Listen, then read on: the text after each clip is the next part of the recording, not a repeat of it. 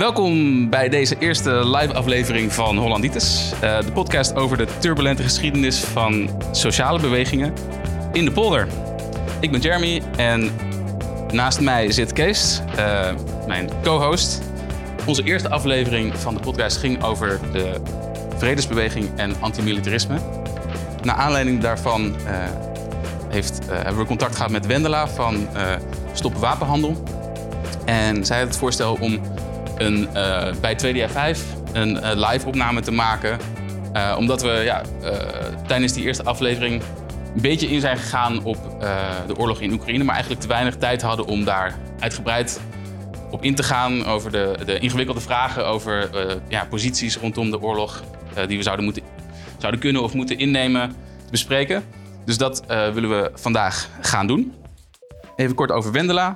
Wendela, Wendela is al decennia, uh, actief, decennia lang actief in de vredesbeweging. Uh, rondom, uh, ook rondom antimilitarisme. ze organiseert elke maandag een demonstratie buiten het Russisch handelsagentschap op het Museumplein tegen de oorlog in Oekraïne. Kees en Wendela zijn allebei ook actief in de discussie rondom hoe links zich zou moeten verhouden tot de oorlog in Oekraïne. Um, we hebben ook ons best gedaan om een linkse spreker uit Oekraïne te, uh, te, regelen om uh, dat perspectief um, ja, te, uh, te, laten horen. Maar dat is helaas niet gelukt. Dus ja, dat is ontzettend vervelend. Dus vast excuses daarvoor. Dat, dat, ja, we hebben ons best daarvoor gedaan, maar dat is niet gelukt. Gisteren was het precies een jaar geleden. gisteren was het precies een jaar geleden dat de Russische legers opnieuw Oekraïne binnenvielen. Um, en ja, binnen links is er uh, eigenlijk geen gezamenlijke visie over uh, hoe we ons daar op moeten verhouden. Er is wel een gezamenlijke vraag, namelijk hoe helpen we Oekraïners zich te verdedigen tegen het Russisch imperialisme zonder het imperialisme van het Westen te versterken. Dus dat is uh, eigenlijk de hoofdvraag waar, waar we vandaag over willen gaan praten. Um, als onderdeel daarvan, of hè, we hebben een aantal andere vragen die we, die we willen, uh, uh, aan bod willen laten komen. Waar uh, Kees en Wendela zo meteen wat over gaan, gaan zeggen. Um, namelijk, hoe belangrijk is de geschiedenis? Um, bestaat er ook een pro-Russische bevolking in Oekraïne? En hoe vinden we van te midden, te midden van de alle oorlogspropaganda nu eigenlijk wat precies de waarheid is? Moeten we wel of niet wapens leveren aan Oekraïne? En wat is de rol van Nederland, de EU en uh, de NAVO daarin? En wat moeten we daarvan denken? Uh, moeten we wel of niet vrezen voor nucleaire escalatie? Moeten we oproepen voor onderhandelingen of juist niet? Is het een proxyoorlog? door het, zeg maar, vanuit het Westen tegen Rusland? Wat zijn de risico's voor een kernoorlog? Um, ja, voordat ik het woord overhandig aan Kees en daarna Wendela, wil ik eerst nog even een aantal soort van huisregels met jullie afspreken. Um, um, Kees gaat zo meteen uh, wat, uh, een korte geschiedenis vertellen over ja, de, de vredesbeweging. En Wendela gaat daarna specifieker in op het debat rondom Oekraïne. daarna gaan we met elkaar in discussie. En aan het einde gaan we, eh, gooien we de discussie open naar de zaal toe. Dan gaan we met elkaar uh, in gesprek. Daarbij wil ik graag uh, even met jullie afspreken dat het, is, het is een sterk gepolariseerde discussie en de emoties kunnen heel hoog oplopen, omdat ja, het, is, het is een kwestie van leven en dood en dat is natuurlijk heel begrijpelijk. maar ik wil iedereen vragen om hè, elkaar in elkaars waarde te laten, beleefd te zijn, ook al hoeven het niet met elkaar eens te zijn. Wil, ja, willen we graag de discussie goed kunnen voeren, omdat dit een belangrijke discussie is. En om een, om discussie te voeren moet je elkaar wel kunnen respecteren. Uh, dus dat. En even het programma. Eerst gaat Kees wat zeggen. Dan Wendela. Dan gaan we met elkaar in discussie. En dan gooi je dus de discussie open naar de rest van de zaal. Um, dus ik uh, zou bij deze het woord willen overhandigen aan Kees, onze radicale huisvader. Um, dankjewel. Ja, het is een beetje raar om in de microfoon te praten, maar die versterkt dus niet. Het is voor het opnemen en dan uh, maken we daar een podcast van. Tot een paar maanden geleden wist ik ook niet uh, hoe dat ging en wat dat was eigenlijk. Ik, uh, en toen zijn we daarmee begonnen. Vanuit het idee dat heel weinig in Nederland gedaan wordt aan eigen geschiedschrijving. Laten we zeggen, door de mensen die de acties gevoerd hebben en georganiseerd hebben. Komt wel voor, maar het is niet bepaald traditie. In, in Duitsland bijvoorbeeld is dat veel meer. Wordt, wordt over elke actie wordt ongeveer een boek uitgegeven. Uh, in Frankrijk enorme analyses, maar in Nederland wordt dat vaak door academici gedaan of door rechtse journalisten. En dan ben je meer slachtoffer van de beschrijving. En wij wouden dat zelf doen. Dus toen ehm, was ondertussen de oorlog begonnen. Uh, Rusland uh, had de aanval ingezet. Ehm, daar gaan we het dus over hebben, zo. Maar um, voor ons was dat aanleiding om dan maar te denken... Well, laten we in ieder geval de geschiedenis van de antimilitaristische beweging... als eerste onder de loep nemen. En zoals wij te werk gaan, is dat we dan. Uh, wij, wij denken natuurlijk wel dat we allemaal enorm deskundig zijn, wij tweeën. Maar uh, we weten over heel veel bewegingen, weten we lang niet alles uh, af. En dan gaan we even een paar dagen goed onderzoek doen. hebben we besprekingen daarover. En dan voeren we een gesprek waarin we chronologisch meestal of per thema. Ehm, ja, een schets doen eigenlijk. Heel diep kan je, kan je er niet in gaan. Ehm, en daar is het programma ook niet voor bedoeld. En het moet ook af en toe, er mag gelachen worden, laten we het zo zeggen. Nou, dat heet Hollanditis. Het is te vinden op internet. Um, jullie moeten maar uh, kijken of dat gelukt is of niet. Maar in ieder geval die eerste aflevering, en dat werden er twee, omdat het verhaal steeds langer werd, ging over de antimilitaristische beweging en vredesbeweging, want dat is niet hetzelfde. Um, antimilitaristen zijn bijvoorbeeld niet pacifisten, uh, noodzakelijkerwijs. De, je kan, er kunnen hele gewelddadige antimilitaristen zijn. En in, in, principe heb ik daar ook begrip voor. Um, dus dat is een ander, ander verhaal. En um, nou ja, we beginnen meestal bij het begin van sociale bewegingen in Nederland. Het, het is, in Nederland is dat vaak uh, Domeland Nieuwenhuis, Sociaal-Democratische Bond. En op dit thema hebben die een een, uh, een uh, goed track record. Want de IAMV, de Internationale Antimilitaristische Vereniging, is door hun opgericht. Um, is nooit echt enorm groot geworden. Het was vooral een Nederlands uh, gebeuren. Um, maar goed, dat heeft wel een traditie gezet in, in, in links Nederlandse kringen, om het maar voorzichtig zo uit te drukken, om je bezig te houden met militarisme, het leger um, en de politieke uh, structuren die daarachter zitten. En dan vervolgens zie je in de geschiedenis zie je elke keer weer, uh, je ziet de vorming van de NAVO en je ziet oorlogen als die in Vietnam of andere. Um, en daar wordt dan op gereageerd door van onderaf of niet. Dat gebeurt ook. Um, en wij proberen te begrijpen wat is nou de. Wat, wat, wat bepaalt die dynamiek? Uh, bijvoorbeeld. Um, um, oh ja, en we, we, begonnen ons verhaal met de grote uh, anti-atoom uh, demonstraties in 81 en 83, maar die blijkt totaal vergeten te zijn. Die is nog veel groter dan die in Amsterdam was, maar die speelde zich in Den Haag af. En uh, op de een of andere manier is alles wat in Amsterdam gebeurt altijd veel belangrijker dan. Uh, maar die in Den Haag, daar waren 550.000 uh, mensen.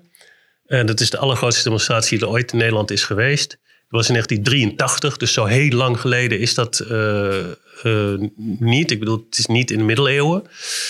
Um, en desondanks zie je dat in de tussentijd ja, die, dat soort bewegingen enorm afgekalfd zijn en um, veranderd. Um, en nu uh, hebben we natuurlijk een uh, hele interessante, maar ook pijnlijke situatie dat er een enorme oorlogsinzet is. Eigenlijk ook door vanuit Europa met deelname van Nederland, Nederlandse wapens en de NAVO. En dat uh, het heel moeilijk is om daar al een mening over te vormen uh, of, of, kritiek op te hebben. En nog moeilijker om daar een standpunt uh, tegen in te nemen. Terwijl het nog niet zo lang geleden was het volslagen duidelijk. De NAVO, daar, dat was foute boel, moest je niet aan meedoen. linkse partijen uh, waren voorstander van uit, dat Nederland weer uit de NAVO uh, zou moeten. Wapenhandel is net zo'n verhaal. Dat is heel lang is dat gewoon een heel duidelijk geval geweest van daar hebben we niets aan, hebben we alleen maar last van. Um, en nu is dat plotseling wordt het allemaal overboord gekieperd door een gedeelte van, van de beweging, actiegroepen en partijen. En die discussie daarover die lijkt heel moeilijk plaats te kunnen vinden. Eh, de kampen zijn uh, volslagen, uh, hoe noem je dat? Betrokken. En er wordt, ehm, al, als je al voorstelt om na te gaan denken over ehm, dat er misschien een diplomatieke oplossing te vinden zou zijn, dan is dat eigenlijk al een, een, provocatie. En dan wordt er heel hard tegen aangetrapt. Want dan laat je de Oekraïense bevolking in de steek. Nou, dat, dat wespennest, daar gaan we het nu over hebben. En gelukkig met Wendela, want die is namelijk de meest deskundige Ehm, in, in Nederland. Uh, helaas zit je nooit in die programma's op televisie waarin uh, geduid moet worden of die nieuwe tank, of die nou echt nodig is of niet. Maar, uh, maar verder weet je alles over wapens en wapenhandel en de geschiedenis van eh, interventies en zo. Dus ehm, Stop Wapenhandel is, is de groep om, laten we zeggen, te betrekken bij discussies. en een van jullie initiatieven is voortdurend geweest eigenlijk om juist dat te doen wat zo verguisd wordt. En wat ook mensen als Chomsky en zo doen. En die krijgen dan ook diezelfde vlek over zich heen. Namelijk oproepen om te kijken naar onderhandelingen en uh, diplomatie. Um, heeft het jou verbaasd dat, je, dat jullie daar zoveel kritiek op, op uh, krijgen? Uh, moeilijke vraag. nou ja, kijk, bij elke oorlog die er, die er gebeurt, zodra je zegt van misschien moeten we niet uh, meteen bombarderen. Of het nou tegen Irak is, of, of, of Libië en nu dan Rusland. Dus altijd, je bent dan altijd, wordt er altijd in het kamp van de, van de vijand geplaatst. Wij zijn nu uh, Poetin-lovers, omdat wij zeggen: misschien moet je niet uh, vechten, maar ook eens proberen te praten. En dus dat is, dat is een ja, bekende reflex. Alleen wat, wat mij wel verbijstert, is dat het vanuit linkse hoek ook heel erg komt. En ook heel erg agressief en op de persoon. Ik uh, bedoel, ja, rechtse, rechtse kranten, rechtse media snap ik nog wel. En wat mij ook verbaast is dat ik bij allerlei debatten over, over vrede, die dan door, door kerken of door vredesclubjes of zo georganiseerd worden. De linkerwang had een ding met, met, met uh, GroenLinks uh, vredesmensen. Dat daar dan militairen of oud-militairen worden uitgenodigd om de politieke situatie te duiden. Want dan denk je al in zo'n nauw kader, dan kom je natuurlijk nooit verder dan wel bommen of geen bommen. En hoeveel bommen vooral, en waar en aan wie en wie gaat ze betalen. Dat heeft mij wel verbaasd. Ja. En is het voor jullie ook een, een nieuwe situatie dat um, normaal is een oorlog wordt altijd vanuit het Westen, als die, die vanuit het Westen ingezet wordt, laten we zeggen, Irak is een goed voorbeeld, dan is meteen duidelijk wie de goede en de slechte zijn. Hoewel daar ook natuurlijk, Saddam Hussein was geen goede, maar de bevolking wel. En nu is dat veel ingewikkelder. Ik kan me voorstellen dat dat voor jullie als actiegroep ook voor, dat dat moeilijk, moeilijk manoeuvreren maakt. Ja, de, de laatste decennia was het inderdaad altijd eigenlijk ons eigen militaire bondgenootschap dat, dat de, de, de oorlog begon in Irak en, en overal. Dus dan wist je gewoon, nou, onze eigen regering zijn we altijd al tegen, kunnen we tegen blijven demonstreren. Het helpt misschien geen bal. Ik bedoel, 2003 inval Irak. Enorm veel mensen de straat op, maar de oorlog ging gewoon door. Maar het was wel duidelijk. En nu is het gewoon de vraag van ja, tegen wie moet je nu demonstreren? Ben je het nu wel of niet met je eigen regering eens? Dat leidt tot enige verwarring in linkse kampen. Dat is ook logisch.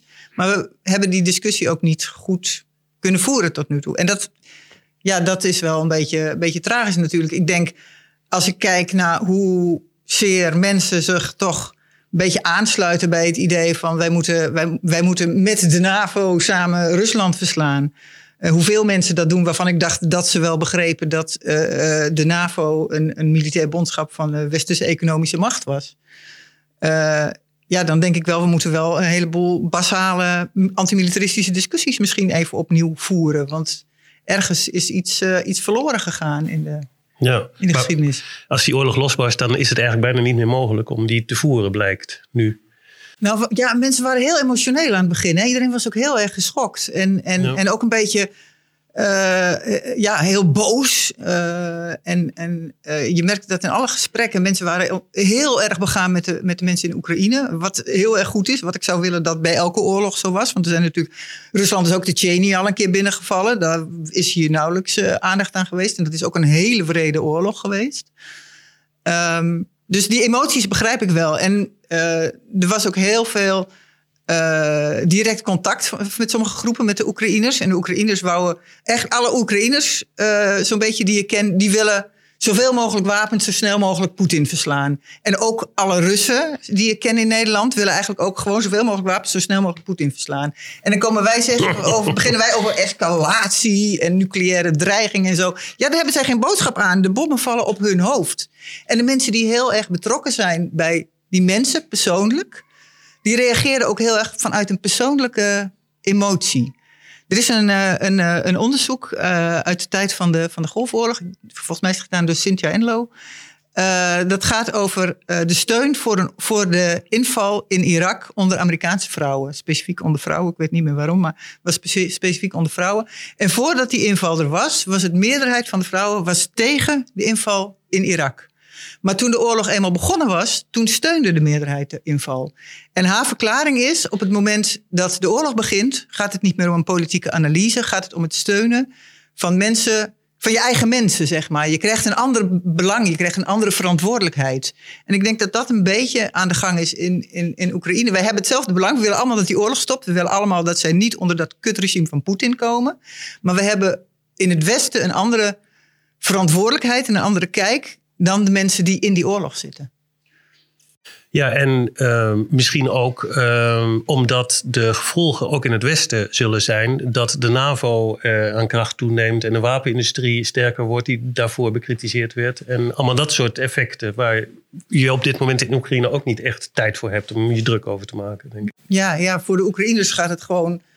Voor de Oekraïners gaat de oorlog over Oekraïne. Die moeten gewoon overleven. Maar voor de Verenigde Staten bijvoorbeeld gaat de oorlog over veel meer. De Oekraïners moeten ook zorgen dat China Taiwan niet binnenvalt. En eh, eh, de Oekraïners moeten eigenlijk de hele wereldorde opnieuw eh, verdedigen. Eh, en voor de Verenigde Staten is dit natuurlijk een uitgelezen moment om hun, hun hele bewapeningsagenda door te voeren en door te drukken. Er is natuurlijk een, een, een, grote concurrentie over de grondstoffen in de wereld. En China krijgt steeds meer uh, economisch de mogelijkheid om, om, om macht te ontwikkelen. En de Verenigde Staten wil nu even laten zien dat zij militair nog steeds de dienst uitmaken. En dat niemand het in zijn hoofd moet halen om hun voor de voeten te lopen. En Europa gaat daarin mee. En ook dat is verbazingwekkend, want Europa heeft echt hele andere belangen dan de Verenigde Staten. En als er een kernoorlog komt, wordt die hier uitgevochten. De, econom, de, de, de energiecrisis komt hier. De voedselcrisis komt in Afrika. Het zijn allemaal andere belangen dan in de Verenigde Staten. De Verenigde Staten heeft eigenlijk weinig last van deze oorlog. Ja, ze, moeten, ze betalen voor heel veel wapens, maar dat stroomt terug naar de zakken van de aandeelhouders van de wapenindustrie. En uh, ja, ze hebben eigenlijk dus alleen maar een beetje. Ja, ze hebben eigenlijk alleen maar voordeel van deze oorlog. En wij hebben de, de shit. Uh, ja, maar um, zo'n, uh, laten we zeggen, nuancering uh, is, al een, is al een provocatie, blijkt in, in, in, deze, in dit wespennest, in deze debat. Bijvoorbeeld over de rol van de EU in Oekraïne en of dat nou imperialistisch genoemd kan worden of niet, maakt niet uit. Die is er natuurlijk wel degelijk geweest. Dus een van de Oekraïense mensen waar we contact mee hadden, maar die kunnen allemaal niet, omdat dit weekend natuurlijk iedereen heel druk is, was Julia Jotchenko. Die heeft een boek geschreven over de geschiedenis van de EBRD, uh, dus de Europese Ontwikkelingsbank in Oekraïne. En hoe dat voor een, laten we zeggen, het neoliberaal omploegen van de economie in Oekraïne heeft gezorgd. En die hele oligarchen kliek die daardoor aan de macht is gekomen, heeft geproduceerd, willens en wetens. Um, en, en die hele voorgeschiedenis, uh, die lijkt plotseling als die oorlog uitbreekt ook niet meer uh, ingebracht te kunnen worden. Of is jullie ervaring anders? Net, net zoals die over hè, wat je nu zegt, de Amerikaanse bijbedoelingen misschien met, uh, met uh, hun strategie. En, en daarachter de vraag: is er een, een zekere rol geweest in het provoceren van Rusland om aan te vallen of niet? Ehm, ja. Ook op die punten zijn de kampen totaal verdeeld, blijkt. En wat is jullie ervaring met, met dat soort elementen? Ja, de, zeg maar, de, de, de gewone pers is eigenlijk het hele, nou, de eerste negen maanden van, van de oorlog echt alleen maar op één lijn geweest. En er was geen doorkomen aan. Dat was echt. Nou, ik heb dat nog nog geen enkele oorlog zo erg meegemaakt. En ik heb daar ook nog niet echt helemaal. Dat, dat ik weet hoe dat nou komt. Ik denk dat zeg maar de, de, de, uh, de controle over de informatiestromen. Uh, eh, geperfectioneerd is bij, bij NAVO-kringen. En de Oekraïne heeft natuurlijk een president met een heel goede communicatiecapaciteit. en, en die heeft een heel, ja, zijn hele regering bestaat uit mensen die ja, erg goed zijn in communicatie. Daar heeft de Oekraïne enorm geluk mee. Want hij, hij komt ook uit de tv-wereld. Hij komt uit de tv-wereld en zijn, zijn ministers komen daar ook, eh, zijn hoge uh, beleidsmedewerkers komen daar ook allemaal vandaan. Dus hij weet ook gewoon heel goed hoe hij het verhaal moet vertellen. Maar ook vanuit de NAVO en de Europese Unie, want die is ook heel erg aan het militariseren, is dat natuurlijk allemaal enorm geperfectioneerd van hoe, uh, hoe kan je die, die publieke opinie sturen. Um, dus ja, ik, daar, daar zit misschien een verklaring. Maar ik, ik, ik weet eigenlijk niet precies hoe het kan dat het zo moeilijk is om er doorheen te komen. En het is eigenlijk pas sinds de oproep van de golfgroep. Ook zeer verguisd, ook binnen links zeer verguisd. Dat waren ook allemaal Poetin-adepten. Waren voor een groot deel waren dat uh, universitaire uh, ja, docenten die al, al, al uh, tegen fascisme en militarisme ageerden toen de meeste van ons nog naar de Fabeltjeskrant keken. Eh, of in de luierslagen. Um, Fabulous dat is ook alweer van een hele generatie terug, geloof ik. Um, maar uh, die hebben eigenlijk een klein beetje, uh, omdat zij toch wel grote wetenschappelijke autoriteit hadden, voor mensen die een beetje nadachten, hebben dat debat losgebroken. En nu zie je hier en daar wat meer discussie komen. Maar het blijft nog steeds heel snel dat er gezegd wordt: je laat de Oekraïners in de steek, je levert ze uit aan Rusland. Maar als je ook het, het gewone journaal bekijkt, zeg maar, het acht uur journaal, dat is niet heel informatief, behalve dat het heel erg weergeeft wat de meeste mensen zullen denken, omdat de meeste mensen daarnaar kijken. Uh, dan, dan zie je ook vooral heel veel uh, hele verdrietige human interest verhalen uit de Oekraïne. Dus het is ook echt heel erg. Maar er zijn ook verhalen bij waarvan ik denk, hoe haal je het in je hoofd? Ik bedoel, negen maanden oorlog, krijg je een pasgeboren babytje, het eerste oorlogsbabytje, en papa moet naar het front. Dan denk ik, ja, dat is heel erg. Maar wat doet mij, uh, wat levert dit mij op om die oorlog te begrijpen? Wat levert het ons op om een stap verder te komen? En dan krijg je nog een, een, een hoge militair die vertelt van welk mooie wapensysteem ze nu weer gaan leveren. En misschien dat dat dan helpt. Dan weten we nog niks. Dus ja, de, de, de, de, de manier van kijken naar die oorlog is zo beperkt. Hm. Nu ben ik even vergeten wat precies je vraag was. Nou, nee, maar dat, dat, was wel een antwoord op. Uh, uh, want, want, we kunnen dan ons afvragen waar mensen hun informatie in Nederland wel vandaan uh, moeten halen. behalve bij jullie en op de website. Misschien kan je ja, dat... dat is een goede vraag, inderdaad. Ja. Het is natuurlijk, ja, als, als, het zo moeilijk is om, om binnen de media door te komen, dan, ja, dan kom je bij van die, van die, van die lullige linkse clubjes terecht als stopwapenhandel. En, uh, en, en uh, ja, ja, Global Info en, en, en de podcast Hollanditis niet te vergeten. uh, ja, kom er maar eens door. Op een gegeven moment is er een heel agressief column gekomen van, van Hubert Smeet in, in het NRC. En daar is toen door een radioprogramma aan mij gevraagd, van een aantal mensen gevraagd van de golfgroep, die die oproep te onderhandelen uit ondertekend. Of ze dan met Hubert Smeet, nadat hij ons helemaal uh, de grond in had getrapt, of we dan met hem in discussie wilden. Hm. En daar had toen niemand zin in, want hm. het was gewoon zo niet een inhoudelijke discussie die hij voerde. Maar weet je, Hubert Smeets is eigenlijk een beetje nu een soort van Joep van het Hek aan het worden zonder humor, zeg. daar kan je eigenlijk niet meer mee praten. Ja. Ja, het, het, vreemde is dat uh, hij, hij is natuurlijk ook. Hij is ooit voorzitter van PSP Jongeren geweest. Dus hij komt eigenlijk ook uit dat. Hij heeft diezelfde nou, linkse. Uh, ik, ik moet je zeggen, de eerstvolgende die tegen mij zegt. Ja, ik heb wel pacifistische wortels, maar. die geef ik een rotschop, want ik word daar echt zo niet goed van. Wat, wat, wat hebben, die mensen, hebben die mensen ooit begrepen wat hun pacifisme Ja. betekende? Ik bedoel, pacifisme betekent niet dat je gaat zitten kijken hoe andere mensen worden afgeslacht. Pacifisme betekent dat je ageert tegen de oorlog, dat je de oorlog probeert te begrijpen, dat je het militarisme probeert te doorgronden en dat je er wat tegen gaat doen. En niet dat je zegt, oh het is oorlog, nou wij zijn alleen maar lief voor elkaar. Maar oh, en dan is het wel eens echt oorlog, nou dan moeten we toch maar de wapens inzetten, want lief voor elkaar zijn helpt niet. Nee, lief voor elkaar zijn helpt niet. Dat Nee. snap ik ook. Dat moet je ook niet doen. Ruzie maken. En wat er ook verschoven is, is dat een aantal van die grote kerkelijke organisaties eh, ook, laten we zeggen, niet meer zo principieel eh, zich opstellen als in de jaren tachtig. Je bedoelt Pax. Ja, bijvoorbeeld met- Kosovo zagen we dat in onze podcast al, dat zij plotseling die interventies eh, gaan steunen om, om mensenrechten redenen. Ja, Pax is geen. Ik bedoel, Pax noemt zichzelf een vredesorganisatie, maar het is gewoon een NGO die projecten doet overal in de wereld.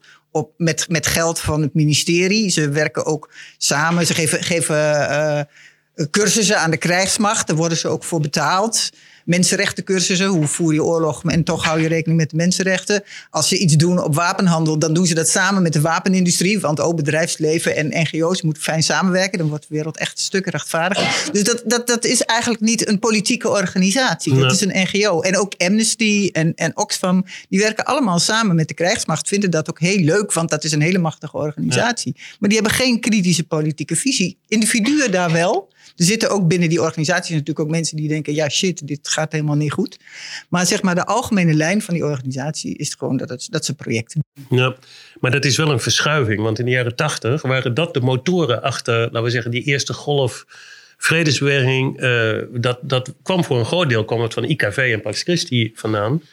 Die kennelijk toen nog in staat waren om, om een veel politiekere analyse eh, en, en beweging eh, te, te ondersteunen. Nou, volgens mij kwam het uit de bevolking van heel veel mensen die zich zorgen maakten over de kernwapens. En IKV en Pax Christi hadden geld van de kerken, dus konden dat een beetje structureren en, en, en nieuwsbrieven maken en vergaderingen eh, faciliteren. Al die andere clubs, dat waren allemaal ja, basisbewegingen, die hadden geen geld. Dus IKV Pax Christi heeft toen heel erg de leiding genomen, maar voor een groot deel omdat zij gewoon het kerkelijk apparaat hadden. Nou is die kerk natuurlijk inmiddels ook hartstikke leeggelopen. Dus dat geld van de kerk krijgen ze niet meer. Dus nu krijgen ze geld van overheden. Oh, en ja. volgens die lijn. Oké, dan dan hebben we dan weer wat, wat geleerd. ja, zo werkt dat dus. Ja, want die kerken die waren toen misschien ook veel eh, politieker en, en progressiever eh, en groter. Eh, voor een deel. In ieder geval op dit punt hadden ze een duidelijke keuze gemaakt. En, en dat, dat ontbreekt nu. Je, de, de, laten we zeggen, de massa achter het punt van, eh, om te pushen voor onderhandelingen is heel moeilijk eh, te vinden. Ja, en, en wordt ook, ja, zeg maar, de solidariteit met de Oekraïners wordt ook heel erg vertaald in een soort, ja, in een, in een nationalistisch eh, denken. Wij, wij hadden, zeg maar, wij zijn die demonstraties begonnen voor het Russisch Handelsagentschap een jaar geleden ongeveer. En in eerste instantie was daar de fanfare van de Eerste Liefdesnacht en die wilde het Oekraïense volkslied spelen. En sommige mensen hadden een Oekraïense vlag bij zich. En toen hadden we een bekende anarchist bij ons die eh, zei van... ja, maar daar ga ik niet aan mee, want dat is nationalisme. En dat, eh, dat is nou precies een van de drijfveren achter de oorlog. En ik dacht, oh shit, ja, dat was ik even vergeten. Maar daar heeft hij natuurlijk wel heel erg gelijk in. Dat soort dingen moeten we niet doen. Maar wat je overal ziet, mensen doen geel-blauwe vlaggetjes op hun profiel. En het wordt heel erg... Het staat heel erg achter de Oekraïne. Maar er zijn, er zijn in feite twee, twee oorlogen aan de gang. De ene is de Oekraïne die zich probeert, ja, die probeert te overleven. En het andere is eh, de NAVO die probeert zijn wereldmacht te vestigen. En vooral die tweede, daar zijn we zo weinig mee bezig. Ik heb, ik heb nog helemaal weinig linkse groepen gehoord die, die gekeken hebben van wat heeft Nederland inmiddels erbij gekocht. We hebben, we hebben gewapende drones erbij gekocht. We hebben raketten erbij gekocht. We hebben nog meer F-35's erbij gekocht. Het zijn gigantische bedragen die daarheen gaan. En dan zeggen ze, ja, de, geldmacht, de heeft te weinig geld. Ja, we kopen de allerduurste, alleragressiefste wapensystemen. En dan hebben we geen geld meer om de kazernes van de wifi te voorzien. Ja, kan dat nou? Ja, die problemen van het Nederlandse leger, die gaan we in een andere workshop gaan we die, eh, oplossen. Ehm, ja, dat is het ene punt van die, die, die gematigde kerkelijke organisatie en de rol die, die, die zij spelen. Of het, het maatschappelijk middenveld wordt dat, eh, wordt dat ook wel genoemd. Eh, en gisteren was grappig op Museumplein, eh waren twee demonstraties naast elkaar bezig. Namelijk die van, van jullie, van ons eigenlijk. Wij stonden voor de Russische handelsmissie, die overigens officieel niet meer bestaat. Want eh, onze regering heeft besloten dat ze daarmee moeten stoppen. Dus ik weet niet hoe dat verder gaat met jullie wekelijkse demonstraties. Uh, maar even verderop waren groepen aan het, onder leiding van de partij Volt, waren die bezig om zich te verzamelen om naar de Dam toe te lo lopen, geloof ik. En daar zag je inderdaad duidelijk dat uh, heel veel Oekraïnse vlaggen natuurlijk, dat, dat is nog enigszins te begrijpen, maar ook heel veel Europa-vlaggen. Dus de, de Europese Unie wordt plotseling uh, tot een partij gebombardeerd. En namelijk een positieve partij in, in dit, uh, in dit uh, conflict. Ik weet niet of er vlaggen van de NAVO bestaan, maar anders hadden, waren die er waarschijnlijk ook geweest. En die stemming is heel erg. er waren ook een aantal mensen die naar jullie demonstratie of naar onze demonstratie toekwamen om met Oekraïne dingen om, in een soort halve poging te verstoren. Die, en die werden wel duidelijk gemaakt van: sorry, dit, zijn, zijn, uh, die zijn met dezelfde zaak als jullie bezig. Dus ze gaan ergens anders staan roepen. Um, maar ze hebben het idee alsof, uh, en dat is eigenlijk dezelfde punt van oproepen tot diplomatie, tot onderhandelen, dat dat verraad is. Ja, dat was voor ons ook een beetje moeilijk, want wij, ja, wilden wij nou wel meedoen? De demonstratie was niet helemaal de Volt georganiseerd, die was wel heel erg aanwezig, maar hij was georganiseerd door Oekraïners in Nederland en Pax faciliteerde het. En Oekraïners in Nederland die hadden gezegd van nou, we willen geen Russen op het podium. En we willen uh, het tienpuntenplan van Zelensky, dat, dat staat hoog in het vaandel. Dat betekent dus geen enkel gebied uh, afleveren. En, en eigenlijk waren wij eigenlijk ook heel bang dat ze zouden gaan oproepen voor, voor meer wapens naar Oekraïne. Dat ligt ook heel erg in hun lijn om dat te doen. Maar ja, we wilden ook niet hun demonstratie dwarsbomen. Dus wij zijn een uur voor hun demonstratie zijn wij op het Museumplein gestaan. En een heleboel van onze mensen zijn ook meegegaan met hun naar de Dam. En dat vind ik ook oké. Want ja, weet je, laten we in elk geval proberen zoveel mogelijk samen op te trekken. Um, maar we moeten wel heel erg vooral kijken naar die, naar die, naar die toenemende bewapening van, van de NAVO. En de Europese Unie gaat daar lekker in mee, want die is heel erg bezig om de Europese wapenindustrie dan, dan te faciliteren en meer geld te geven en alle wapenexportregels af te schaffen. En vervolgens kopen alle Europese landen toch weer Amerikaanse wapens. Dus dan zitten ze met die Europese wapens, die moeten ze dan gaan exporteren naar buiten Europa, want ze moeten die spullen toch kwijt en investeringen toch terugverdienen. Dus Europa is ook niet zo heel fijn bezig op dit moment. Um, maar, en, en minstens zo belangrijk als, als die, die wapens is dat ook heel erg uh, uh, de, de, de militaire industrie bezig is met, met allerlei cyberdingen en, en, en controle op, op, op, op, op internetverkeer en, en spionage dingen en allerlei dingen waar, waar sociale bewegingen ook heel erg last van gaan krijgen. Um, en ja, er gaat ook ongelooflijk veel geld naartoe. Dat naar mijn idee uh, beter geïnvesteerd kan worden in uh, de transitie naar een klimaatneutrale wereld. Want dat klimaatprobleem bestaat, is, is zeg maar voor een heel groot deel van de mensen ineens van tafel geveegd. Want de oorlog in Oekraïne. Um, dus ja, als je naar oplossingen toe gaat praten, dan denk ik dat we vooral heel erg moeten gaan kijken van wat, wat uh, gebeurt er nu eigenlijk aan, aan herbewapening en aan militaire uitgaven aan onze kant. En als we uh, Oekraïne willen steunen, denk ik dat we ook moeten kijken naar uh, wat gebeurt er eigenlijk met de, de, de dienstweigeraars, de mensen die proberen daar weg te komen. Um, en ja, ik denk echt dat zelfs of je nou voor het zenden van wapens naar Oekraïne bent of tegen het sturen van wapens naar Oekraïne bent, waarom zou je niet gaan proberen om te praten? Ik bedoel, wat, wat, wat, waarom zou je dat niet doen? Waarom zijn er linkse mensen die zeggen nee, onderhandelen mag niet? Ik snap gewoon echt totaal niet wat daar tegen is. Alleen je moet niet praten alleen maar in de context van Rusland en Oekraïne, want het probleem is veel groter. Je kan Rusland en Oekraïne misschien tot een uh, een wapenstilstand krijgen. Maar het probleem is natuurlijk dat in Europa uh, ja, grote, grote veiligheidsproblemen zijn. En dat wij eigenlijk alleen maar aanhollen achter wat de Verenigde Staten aan belangen heeft. Maar we hebben niet een Europees idee over hoe wij hier onze veiligheid willen oplossen. Dus als je wil onderhandelen, dan moet je praten in een grotere Europese context. Europese veiligheidsarchitectuur noemen de, de, de, de deskundelogen dat dan. En zodat je ook zorgt dat uh, ook in de toekomst dit niet weer opnieuw gaat uitbarsten. Want het hele grensgebied van Europa uh, is natuurlijk een, een, conflicteus gebied. En mensen zijn daar terecht bang om onder een heel naar Russisch regime te komen. Ik bedoel, ik zeg niet dat ze terecht bang zijn dat de Russen zullen komen, maar wel dat dat regime heel erg naar is. Uh, en ja, daar zullen we met z'n allen een oplossing voor moeten vinden. Maar dan vanuit wat voor ons belangrijk is en tot vrede leidt. En niet wat voor belang is van de grote bedrijven uh, uit de Verenigde Staten die uh, zich laten vertegenwoordigen door de NAVO.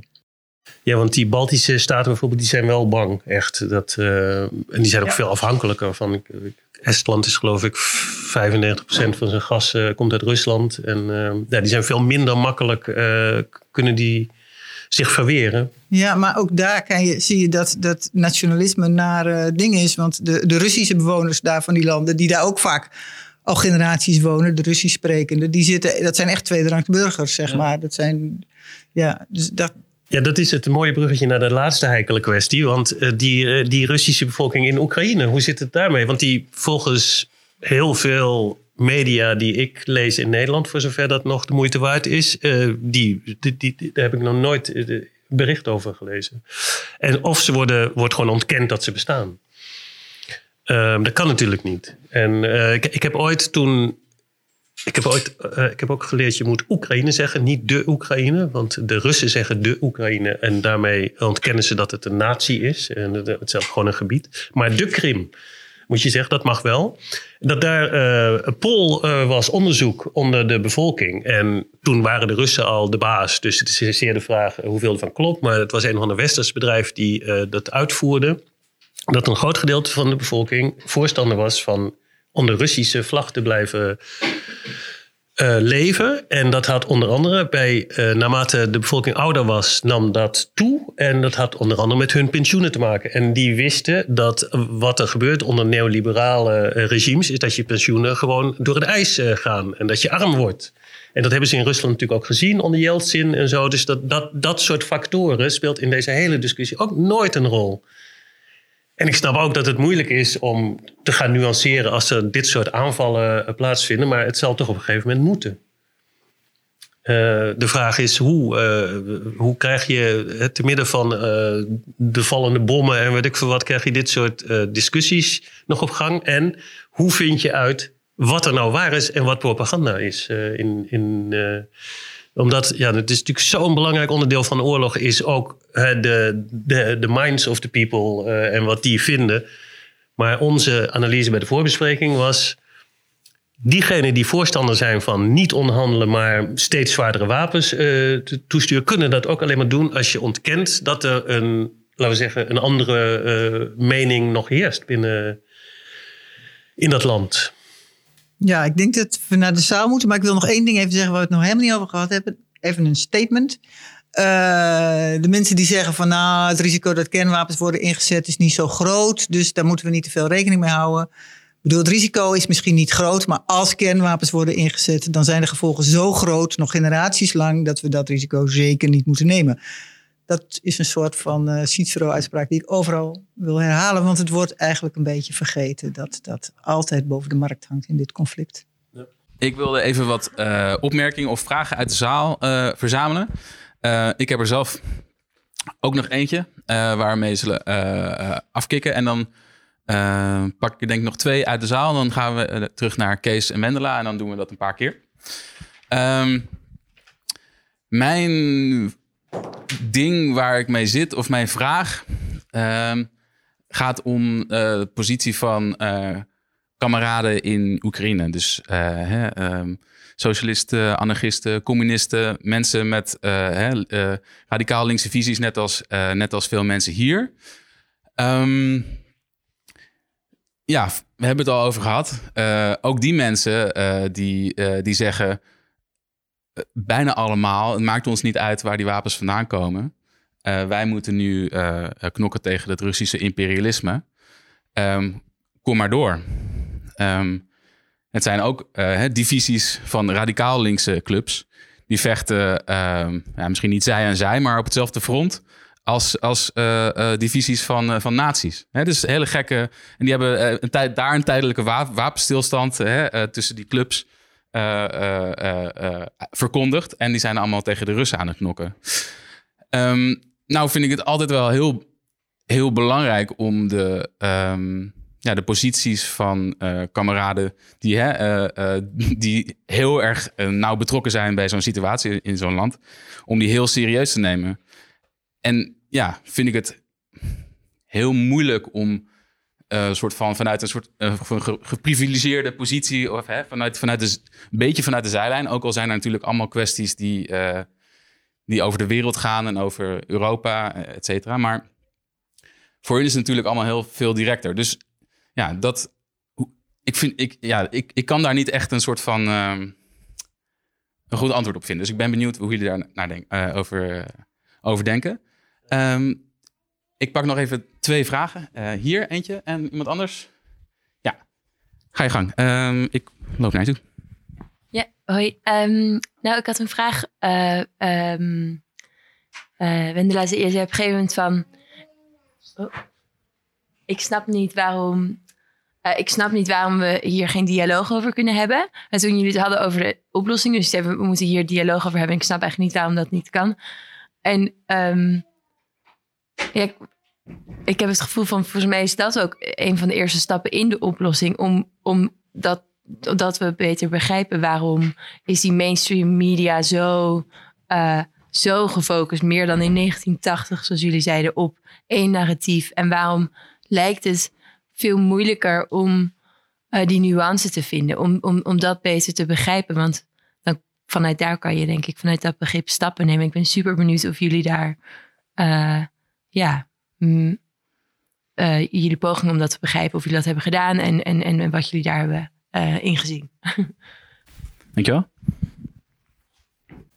Ja, mijn vraag sluit daar misschien een beetje bij aan, want Wendela begon haar verhaal met uh, verbazing uit te spreken over de opstelling van links, hè, en GroenLinks ook met name. Ehm, en vanaf de eerste dag van de oorlog pro-wapens leveren enzovoort. Die verbazing had ik ook, maar ik heb niet de verklaring daarvoor. Ik snap dat niet misschien uh, ja, mensen die erover nagedacht hebben, meer nog uh, kunnen daar iets van duiden. Want daar zit misschien ook het begin van. Uh, hè, als je zegt van ja, dialoog, ehm, hoe kom je verder in Nederland in dit debat? Ja, dan moet je natuurlijk snappen waarom GroenLinks en ook oud-PSP'ers zo fanatiek pro-wapenleveranties zijn. Ik, ik snap het nog niet. Oké, okay, dankjewel. we gaan even terug naar Kees en Wendela. En dan doen we zometeen uh, nog, een, uh, nog een ronde. Uh, volgens mij is dat laatste is niet nieuw. Want Kosovo was hetzelfde.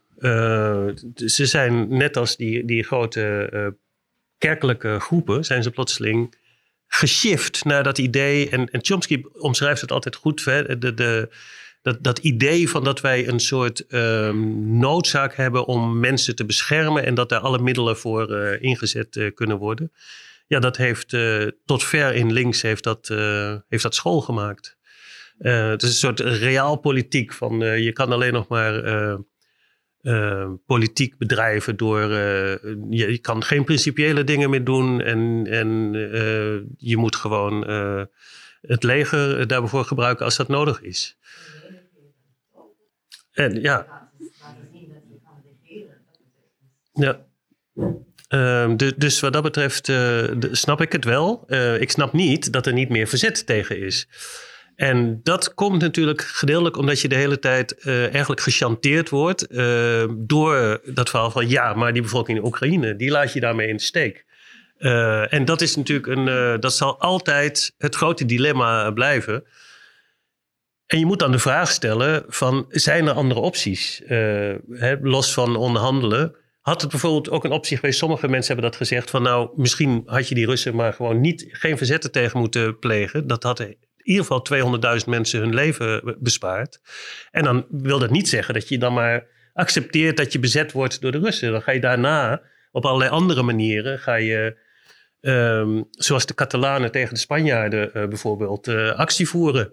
Die, die voelen zich ook bezet, of de Basken. Of, uh, ja. Is niemand die, die zegt van laten we Madrid gaan bombarderen omdat die Catalanen dat uh, eisen.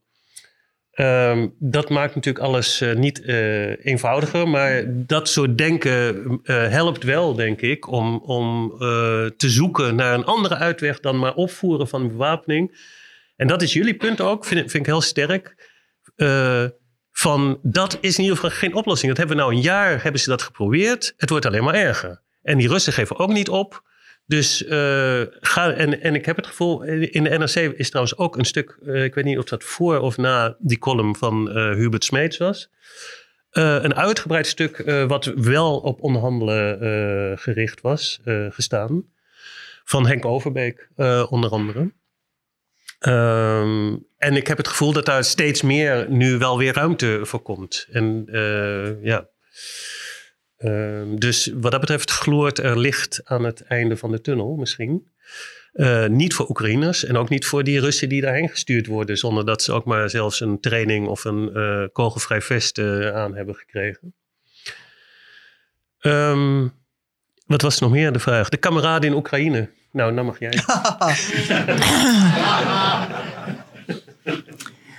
ja, de moeilijkste vraag. Nou ja, inderdaad. Ja, dan, dat is een heel extra debat, denk ik, wat je dan krijgt. Maar inderdaad, mensen, de meeste, mensen, meeste Oekraïners vinden dat er zoveel mogelijk wapens naar Oekraïne moeten. En zo snel mogelijk Poetin verslagen worden. Dat zei ik ook aan het begin. Um, ja, ik, wat wij te bieden hebben is inderdaad van eh, dat onderhandelen dan. Er was natuurlijk, uh, toen de oorlog nog niet zo lang aan de gang was, zijn er onderhandelingen geweest. Die waren best wel in een stadium. Uh, Zelensky en, en Poetin kwamen ergens een beetje terecht. Wat een beetje op het gebied van, ja, toch, toch richting een beetje Minsk, zeg maar. Sommige gebieden opgeven misschien. En toen kwam uh, uh, Boris Johnson en Joe Biden en die zeiden: Ja, we willen jullie wel steunen met wapens, maar dan moeten die onderhandelingen van tafel. En nu heb je dus de situatie dat de Chinezen zeggen van nou, wij willen wel onderhandelen. Nou, Chinese aardsvijand van de, van, de, van de Verenigde Staten op dit moment natuurlijk. Of aardsvijand eigenlijk, grote economische concurrent van de Verenigde Staten. Dat is natuurlijk het grote probleem. En die beginnen dan over onderhandelen. Nou, Chinezen, ik bedoel, ik vind het ook geen lieve jongens. Maar lieve jongens zitten nooit in de regering. Dus ja, daar kan je nooit mee uh, werken. Kan je niet op wachten. Um, nou, Zelensky zegt, nou, ik sta op zich wel open. Nou, je zal zien dat van de, uit de Verenigde Staten gezegd zou worden... nee, onderhandelen met de Chinezen, geen sprake van. Ik bedoel, Um, hoeveel ruimte wordt de Oekraïners gelaten om te zeggen: oké, naast al dit vechten uh, moeten we misschien ook praten? Uh, ik weet het niet. Ik weet ook niet of Zelensky inmiddels spijt heeft dat hij zijn onderhandelingen in april uh, afgebroken heeft. Want ja, dat ging eigenlijk over het een, een, vastleggen van een front. Zoals het er nu ook ligt. Dus nu een soort bevroren front. We zijn twee, meer dan 200.000 doden verder. En het front is op dit punt bevroren wat ze in april misschien hadden overheen kunnen komen. En het ziet er naar uit dat het een eindeloze oorlog worden. Dus ja, ik heb dan een, een, uh, uh, ja, ik, ik, heb dan een mening over die wapens wel of niet leveren. We zijn daar binnen Stop Wapenhandel ook permanent over in discussie, omdat je er ook eigenlijk niet uitkomt. Geen wapens leveren is inderdaad, dan krijg je die, die, die, die vreselijke uh, regering Poetin in je land. Um, wel wapens leveren, maar dan niet zoveel dat het escaleert. Dan krijg je dat ze dus eindeloos mogen doorvechten zonder dat ze ooit kunnen winnen. Ze kunnen niet verliezen, maar ze kunnen niet winnen. Is ook een tamelijk breed concept. Zoveel wapens leveren dat de zaak escaleert tot misschien een nucleaire oorlog, vind ik helemaal geen optie. Dus je komt er ook niet echt uit. Dus het enige wat je kan doen is zoeken naar andere wegen. En dan zie je dat die andere wegen worden afgekapt. Uh, daar zouden wij ons heel erg tegen moeten verzetten. Maar die andere wegen worden ook afgekapt, omdat het natuurlijk zolang dit conflict bestaat en ze het kunnen verkopen als een grote bedreiging voor Europa. Terwijl nou ja, Rusland heeft echt niet de capaciteit om, om, om, om, om Amsterdam binnen te marcheren. Uh, kun je ook gewoon die, die, die bewapeningsuitgaven in het Westen opvoeren en die militaire industrieën stimuleren. En dat, dat kan allemaal maar doorgaan. Uh, dus ja, het enige wat we kunnen doen is proberen dat ernaast te zetten. En intussen te zeggen van dat opvoeren van de bewapening hier, dat is niet in het belang van de Oekraïners. Dat is in het belang van de wapenindustrie. Uh, jouw vraag en ook jouw vraag, ja, het is een. Uh, is ook weer zo'n vraag waar ik geen antwoord op heb. Maar het enige wat ik kan bedenken is proberen te doorbreken. Probeer te doorbreken waarom dit, dit, dit, dit, monomane verhaal verteld wordt. En probeer er doorheen te komen. Probeer met de argumenten te komen. Probeer de argumenten zou het misschien ook komen door, um, nou ja, natuurlijk de, dat media gewoon nu met algoritmes en dat dus het sowieso makkelijker is om in je bubbel te komen. En ik merk bij mezelf althans een soort uh, overweldiging, dus heel individueel, maar overweldiging van informatie. En als ik probeer Oekraïne beter te begrijpen, dan zit ik echt zo, dat kost zoveel tijd, omdat het zo, zo dan moet ik zoveel lezen, dan moet ik eh, en proberen van alle kanten te lezen. Om echt goed te kijken wat is nou de waarheid. Dus, ik, dus dat is in ieder geval wat ik zelf uh, als. Maar ik ben benieuwd of je dus, dus zeg maar de vorm van media en een soort van overweldiging van complexiteit. En dan sluit je ervan af. En dus vind je geen nuance. Ja, ja, ja. Ik, ik, lees ook gewoon heel veel dingen niet, moet ik zeggen. Uh, en, en heel veel uh, uh, dingen zijn ook ruis, zoals al die human interest verhalen. Dat is eigenlijk leidt af van het begrip, zeg maar. Het is wel goed om je, je, je verbondenheid met het probleem te bewaren, maar het leidt af van begrijpen van wat er is. ik vind het wel interessant dat je zegt. Ik vind het ook een heel moeilijk punt. Hoor. Ik zou heel graag willen dat daar mensen meer onderzoek naar deden. Maar ja, dat is niet mijn expertise. Um, wat ik wel denk, en wat ik ook een beetje bij jou hoor, is dat zeg maar, en dat zei ik net ook, een beetje de algemene uh, grote structurele lijnen van hoe militarisme werkt, die hebben we niet meer zo heel erg paraat. Bij mij is de reflex meteen altijd van wie gaat hier aan verdienen, wie gaat hier uh, van profiteren, hoe zit de grote militaire conflicten in elkaar en, en wie heeft hier de macht, is het eerste waar ik naar kijk. Dus dan kijk ik meteen al anders naar zo'n conflict in Oekraïne dan dat ik denk, oh shit, die mensen krijgen bommen op hun hoofd. Dat denk ik ook wel. Maar ik denk ook van, uh, uh, is, is zeg maar de grote toename van de westerse defensieuitgaven, is dat in het belang van de Oekraïners? Nee, helemaal niet. Wordt wel zo verkocht. Als je er tegen bent, dan ben je ja, verdacht persoon. Dus ik denk dat, dat, we, dat we meer moeten kijken weer naar de grote structuren die, van, van macht die achter het militarisme zitten. Om beter te begrijpen ook uh, wat er misgaat. En, nog even over media. En dan uh, gaat de microfoon uh, naar jullie kant toe. Uh, wij maken ook een website die heet globalinfo.nl. Even reclame maken. Maar ook uh, omdat je juist de hele tijd verzuipt in dat moeras van, uh, van sociale media vooral. En meninkjes en linkjes waarvan je niet weet of je daar nou wel of niet op moet klikken. En als je dat hebt gedaan weet je niet meer waar je, waar je, wat je eigenlijk aan het lezen was. En dus uh, er zijn een paar bronnen die ik belangrijk vind. En als er goede stukken staan die vooral onderbouwd, laten we zeggen, dat onderhandelen standpunt uh, proberen uit te leggen. Van, van waarom dat wel goed is, dan vertaal ik ze altijd uit Le Monde Diplomatiek of uit Duitse bladen. Uh, en dan kan je dat daar, daar terugvinden.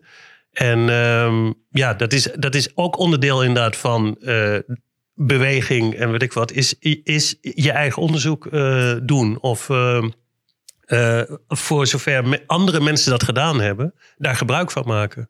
En de Rosa Luxemburg Stichting in Duitsland bijvoorbeeld voert veel betere discussies binnen links dan, uh, dan, dan in Nederland. Nou, die staan online. Als je geen Duits kan, dan moet je het maar even naar mij eh, opsturen. Dan, dan vertaal ik het voor jullie. Ja, dankjewel. Misschien hebben andere mensen nog uh, bronnen die zij zelf gebruiken. noem dat vooral eventjes. Uh, ik zag daar een groepje van twee of drie mensen. Ik loop even niet naar, naar jullie toe. Dan ga ik nog intussen heel snel nog even een klein beetje reclame maken. Kijk ook vooral naar niet-westerse bronnen. Probeer te kijken naar wat men in India vindt, maar wat men in Afrika vindt, wat men in Latijns-Amerika vindt. Het is echt een heel andere discussie daar over deze oorlog dan hier in het Westen. En dat wordt heel erg ook vergeten, ook door de internationalistische kameraden die gehakt van mijn clubje proberen te maken. Kan je daar, uh, heb je concrete bronnen dan? Van uh, nou, Le Monde Diplomatiek heeft uh, een paar dingen uh, gepubliceerd, onder meer. we proberen ze ook een beetje te verzamelen op onze website en naar Kees door te sturen, die ze dan braaf vertaalt. En Al Jazeera. Al Jazeera ook, ja. Die, ja. Die, die, heeft dan een ander perspectief. Ja, even een vraag aan Wendela. Um, je, je, pleit voor onderhandelingen. Nou, bent het er mee eens. Om, dat is natuurlijk een manier om te kijken of we deze verschrikkelijke oorlog kunnen beëindigen. Maar waar, waar ik mee zit is wat doen we met Poetin? Ik bedoel, je, je, je geeft zelf al aan, eerst heeft hij oorlog gevoerd in Tsjetsjenië, Afghanistan binnengevallen. Nou, we hebben natuurlijk nog frisse in ons achterhoofd hoe hij huis gehouden heeft in uh, Noord-Syrië. Je, je, je gaf ook al aan, toen keek het Westen weg. En daar werd in feite eigenlijk al de basis gelegd voor deze oorlog. Omdat Poetin eigenlijk wel dacht van ja, je kan gewoon mijn gang gaan. Maar moeten we dan weer gaan onderhandelen met dit verschrikkelijke regime? En moeten we dan accepteren dat dit regime gewoon blijft zitten en hiermee weer mee wegkomt en doorgaat? Dat, dat, dat vind ik echt een heel moeilijk dilemma. Dank Ja, ik zou eigenlijk terug willen naar 1989 toen de muur viel. Uh, en, en de manier waarop het Westen toen heeft zij eigenlijk heeft, uh, we hebben gewonnen, Coca-Cola naar het Rode Plein, McDonald's naar het Rode Plein. Of daar de door die, houding van het Westen, zeg maar, de Russische volksaard niet dusdanig geschonden is dat dit een boemerang is die we nu teruggeworpen krijgen. En, en jullie gedachten daarover, daar ben ik wel benieuwd naar. Um, ja, ik, ik weet niet of je ruimte is, maar op het begin noemde je erg de, de moeite om uh, een soort van om een kader neer te zetten dat buiten dat soort van voor Oekraïne of tegen uh, zit. Um, zeker vanuit, vanuit, vanuit links. En ik vroeg me af of je een beeld hebt van de, de relevantie of de rol daarin van uh, groepen, zeker, zeker op, op ver links, die daadwerkelijk pro-Putin uh, lijken te zijn. En dat zijn vaak volgens mij niet veel mensen, maar wel een aantal heel vocale bekende soort van social media figuren. Die bijvoorbeeld Oekraïne gelijkstellen aan Israël. Uh, qua wat het met uh, zeg maar, zeg maar zo'n soort, soort vergelijkbare rol. Of uh, die zeg maar, de energiecrisis in Europa soms voorstellen als... oh nee, Europa heeft, Rusland moeten uitdagen... omdat ze zo nodig dit en dit willen, et cetera. Het is een soort van vaak steken onder water... maar wel vrij pro-Putin um, boodschappen... die daarin best wel breed verspreid worden. Vaak via memes, et cetera. Um, of een soort, soort van... Um, het verschil tussen oorlogsmisdaden en gewoon oorlog om te doen alsof uh, zeg maar uh, massamoord in Bucha alsof dat geen, geen, geen, uh, geen echt verschrikking was die ja het, dit soort dingen de rol van de rol van deze groep daar ben ik wel benieuwd naar. Yes, dankjewel. Zal ik deze keer beginnen met de vraag van Mari? Dat is wel een cruciale vraag, want ik denk dat dat bij veel mensen toch een beetje een ding is.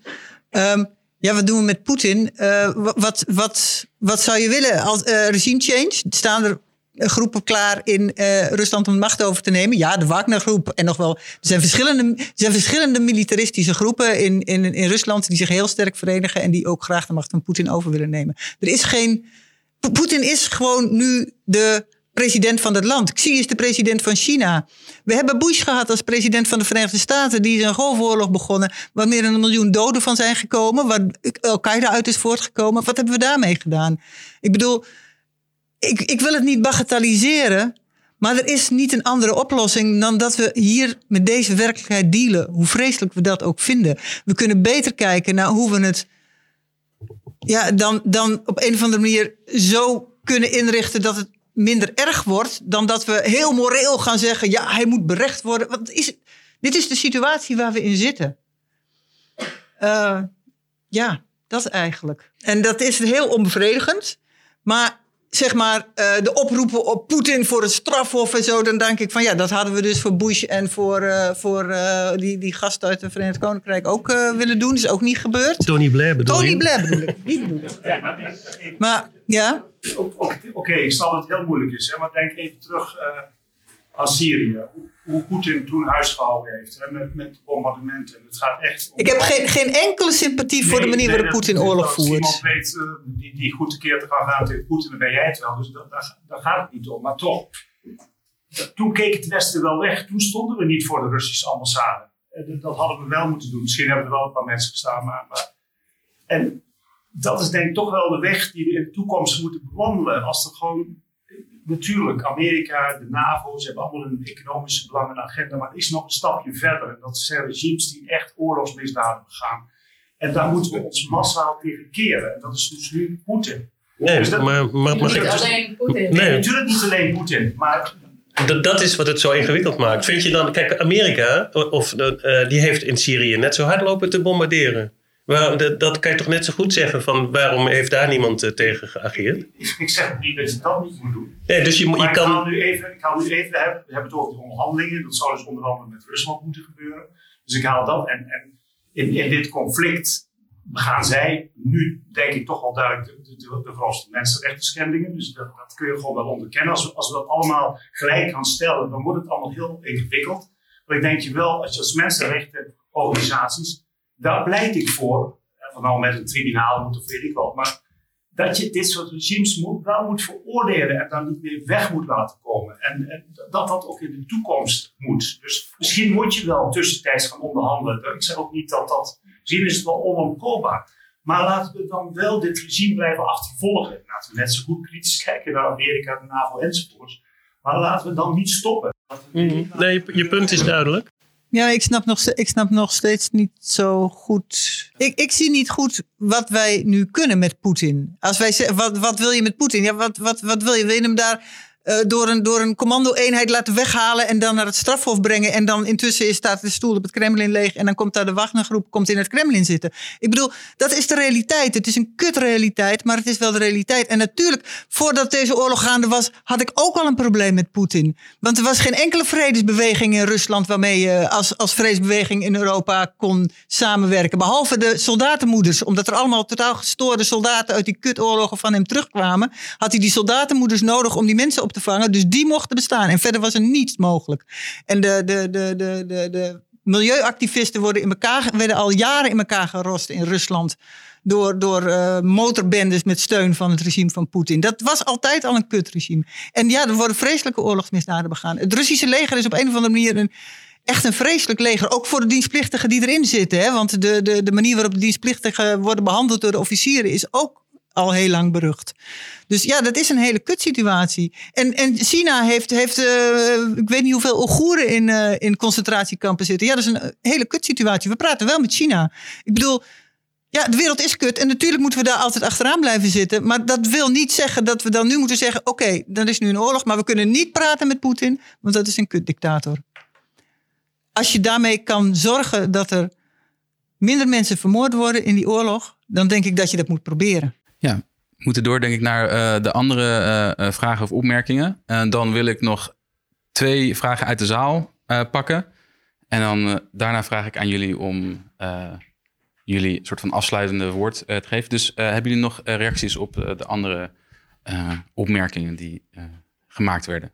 Ik wil even iets toevoegen aan wat moeten we met Poetin. Als je in de geschiedenis terugkijkt, het oorlogsrecht en tribunalen en zo, dat kwam altijd nadat de oorlogen door onderhandelingen waren beëindigd. En soms waren het onderhandelingen omdat er iemand verloren had.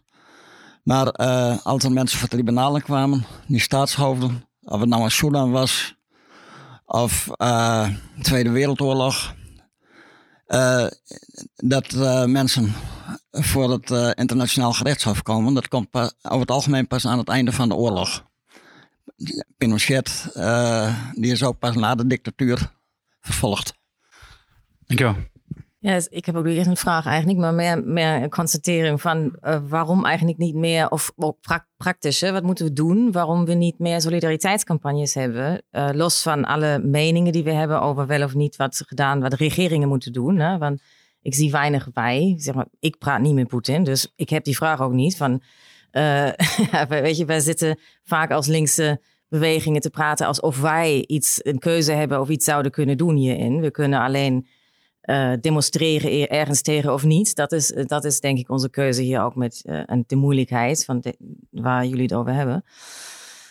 Maar die solidariteitsbeweging bijvoorbeeld hè, van onze kameraden die in, in, nu in Oekraïne of naar Rusland zijn gehaald en gevangen zitten. Hè, want er zijn veel anarchisten die gestreden hebben die nu in Rusland gevangen zitten. En er zijn ook gevangene uh, uitwisselingen. En um, daar zijn campagnes. In, in Duitsland is er veel meer over ook te horen. Hè? Um, en dat is ook altijd strategisch. Wat, uh, welke namen noem je, welke noem je niet. Of die deserteurs die, uit, uit Rusland, die hebben ook solidariteit nodig. Er zijn duizenden uit Rusland gevlucht om niet de oorlog in te gaan. En ja, ik denk heel praktisch gezien, we kunnen allemaal meningen hebben en die heb ik ook. Maar en debatteren. En dat moeten we ook. Maar uiteindelijk, uh, uh, waar zijn de solidariteitscampagnes hier? Voor, uh, voor die structuren daar. Om die Russische verzets, you know, de linkse Russische bewegingen te steunen. die zitten enorm onder druk in, in, in Rusland nu. En daar moeten we solidariteit mee tonen. Als ook met Russische linkse activisten die in de gevangenissen zitten. Nu die gestreden hebben met wapens uit het Westen, maar die nog steeds onze solidariteit verdienen. En daarom vind ik het ook heel erg om te horen dat ze zeggen geen Russen op het podium. Ja, waarom niet Russische anarchisten op het podium die tegen de oorlog zijn? Dat nationalisme moeten wij heel praktisch gezien ook ja, met praktische solidariteit uh, te tegen ingaan. En misschien, ik volg het ook niet zoveel, hè? misschien zijn die hier ook. Uh, maar daar denk ik kunnen wij iets ja, als oplossing, als maar, wat moeten we doen? Dat dat is iets wat we kunnen doen, denk ik dan. Ja, dankjewel. Um, over uh, na de val van de muur en eh, het Oostblok, eh, ja, ik denk dat dat zeker een rol speelt. hoe daar huisgehouden is door wat je niet het westers imperialisme mag noemen, maar daar wel op neerkwam. Ehm, en je ziet het, die hele beweging rond Dugin, die, eh, die, die ideologisch, hè, die, die Euro-Aziatische, die, die ziet Rusland als een soort, soort, soort grootmacht eh, ontstaan daar, wat voor ehm, de economische stabiliteit gaat zorgen, die onder een neoliberaal eh, regime niet eh, te halen was. En die krachten die daar ontwikkeld worden, en zij doen dat door het te combineren met allerlei fascistische ideeën. Die zijn natuurlijk gedeeltelijk ontstaan doordat ze gezien hebben wat er gebeurt als je alles privatiseert en ehm, de westerse eh, multinationals eh, maar zijn gang laat gaan. Dus daar- dat lijkt me logisch. Maar je kan natuurlijk niet één op één, eh, je kan het niet de schuld geven of zo. Dat, dat is dan weer een ander verhaal. Ehm, het zijn ontwikkelingen en, en daar wordt op gereageerd door een bevolking. En die bevolking die met alle pijn en moeite, die zal ook van Poetin af moeten zien te komen. Dat kunnen wij niet doen. Eh, als antwoord op jouw vraag. En, dat eh, zou ook alleen maar. ehm, eh, het zou een hele selectieve verontwaardiging zijn om alleen maar Poetin nou de grote boeman te bombarderen. Want er zijn er veel meer, helaas. En of je, je hebt daar een kritiek op, op alle regimes en dictatoren. En ook als het onder democratische vlaggen gebruikt. En anders heb je geen poot meer op te staan. En dat kunnen we wel heel vervelend vinden. Maar in de rest van de wereld. In de rest van de wereld, eh, eh, ik, ik weet niet of het eh, opgevallen is, maar het Westen staat enorm geïsoleerd. Als het gaat om sancties bijvoorbeeld, daar doet niemand aan mee. En daar is een reden voor, namelijk die. Dat zij alleen maar selectieve verontwaardiging zien en selectieve agenda's. En ja, daar, daar moet je juist van af. Dat, dat is onhoudbaar aan het worden. En ook door de opkomst van China en India, de BRICS, staat de Verenigde Staten en het Westen staat steeds verder geïsoleerd. Het, het wordt een veel multipolaire wereld. En eh, daarin eh, moet je anders eh, opstellen. Dus ja, dat. dat en eh, jij achterin ehm, vroeg nog over. Ik zou ze de trollen noemen. Ben je het er daarmee eens? Of eh, met die term? Eh, mensen die op sociale media eh, Rusland eh, verdedigen met allerlei oneigenlijke argumenten. En volgens mij, eh, misschien is het een complottheorie, maar voor een groot deel wordt dat in Sint-Petersburg in, in, in trollenfabrieken geproduceerd. Een deel zijn wel linksactivisten. Nou, weet ik niet. Dus, kun je die nog links noemen dan? Ja, dat, dat, Ja, wij noemen ze tankies. Eh, en eh, ja, dat, dat is, eh, die, daar moet je niks mee eigenlijk. Moet je links laten liggen. Maar wat voor rol denk je dat ze hebben in de, de, de man- manier waarop wij dit gesprek kunnen kaderen en die, die problemen om een antwoord te vormen? Wat jullie op het begin beschreven. Negeren. Ja, ze- ze- ik, ik, weet, ik weet, dat is eh, zij. ehm, nee, ik weet niet. Volgens mij geen grote. Eh, nee, dus inderdaad. Nou, nou mag jij. Nou mag ik, de laatste woorden zijn altijd vreselijk. Eh, er wordt, wordt, eh, wordt, ik heb al verschillende keren mensen zien oproepen op internet van er moet weer een grote vredesbeweging komen. Dan denk ik, ja, doe het dan. Want ja, hij komt er niet vanzelf natuurlijk.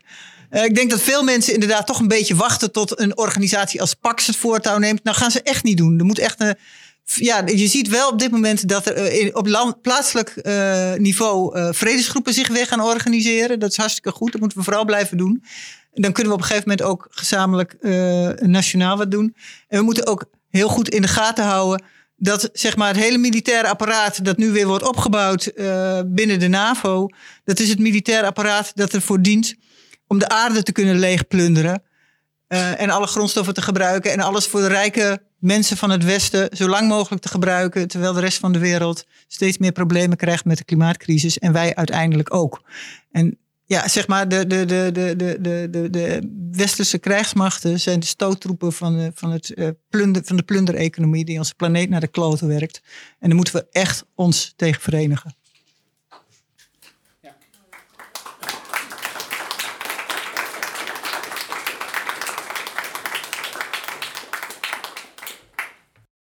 ja, dankjewel uh, en Kees. Ehm, ik had nog een, een, een kleine toevoeging uh, op antwoord, als antwoord op jouw vraag. Ik kwam tegen dat was recent een, een, een benefietavond georganiseerd door de uh, anarchistische groep Amsterdam.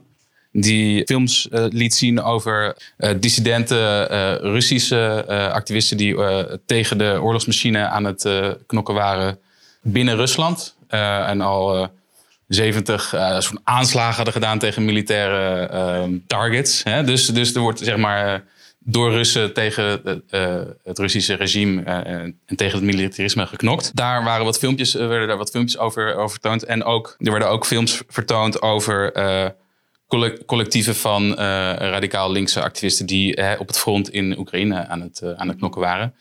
Ja, en dan, dat geeft je een, een ja, het voegt een extra dimensie. Ze praten over hun positie in de oorlog.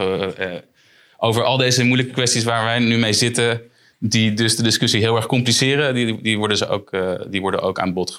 die komen ook aan bod. Maar goed, al deze, al deze clubs die kunnen ook gesteund worden. En er zijn mensen in Nederland bezig met, met solidariteit, met geld ophalen of met materieel ophalen om, om onze kameraden te steunen in plaats van dat we moeten oproepen voor de, dat de NAVO daar wapens gaat sturen, kun je ook uh, medische, apparatuur of uh, medische spul naar onze kameraden sturen, die ze dan op het front kunnen gebruiken. Dus er zijn, er zijn meerdere manieren om, om, je ja, hè, om, om actie te voeren en solidair te zijn met, met ook met de mensen die daar aan het vechten zijn, als je dat, als je dat zou willen. Even denken, ja, het was een ingewikkelde discussie. Ik, ik vond het heel interessant en fijn om jullie bijdrage ook te horen. Um, ik wil Kees en Wendelaar ontzettend bedanken voor jullie bijdrage vandaag. Ik heb twee um, klompen voor jullie. het zijn um, sabots. het, er zitten glitters op. deze is voor jou. Oh, of jij. Ja, dat, voor degenen die het niet weten, Sabot is een, een klomp op zijn Frans. En ehm, in de begin van de 19e eeuw werden die gebruikt om in, de, ehm, in de fabrieken in de machines te gooien. Om de start van een staking of een arbeidsonderbreking in gang te zetten. En daar komt het woord sabotage vandaan. Dus dat, wij vonden dat een leuk iets om weer op te, op te graven. Dus, um, nationalistisch Belgisch. Dus, uh, en uh, we hebben geen Nederlandse vlag erop gezet. Of we hebben het ongeluk wel een paar oranje gemaakt. maar we hebben ook glitters erop gemaakt. Dus we dachten, dat is nog, Ja, we hebben leuk zitten Dus hartstikke bedankt voor jullie bijdrage. En iedereen ook bedankt. En de afsluiting van de podcast, dat neem ik achteraf op of zo, denk ik. dus, dank. Dit was Hollanditis, de podcast over de turbulente geschiedenis van bewegingen in de polder. Elke maand weer een nieuwe aflevering. Je kan ons vinden op Apple Podcasts, bij Spotify en op alle andere plekken. Uh, onze website is hollanditispodcast.nl, waar je ook onze RSS-feed kunt vinden. Op Facebook en Instagram zijn wij Hollanditis Podcast. En bij Twitter en Mastodon, at Hollanditis. Dank aan Paljas voor het intro- en outro-nummer. Tot de volgende keer!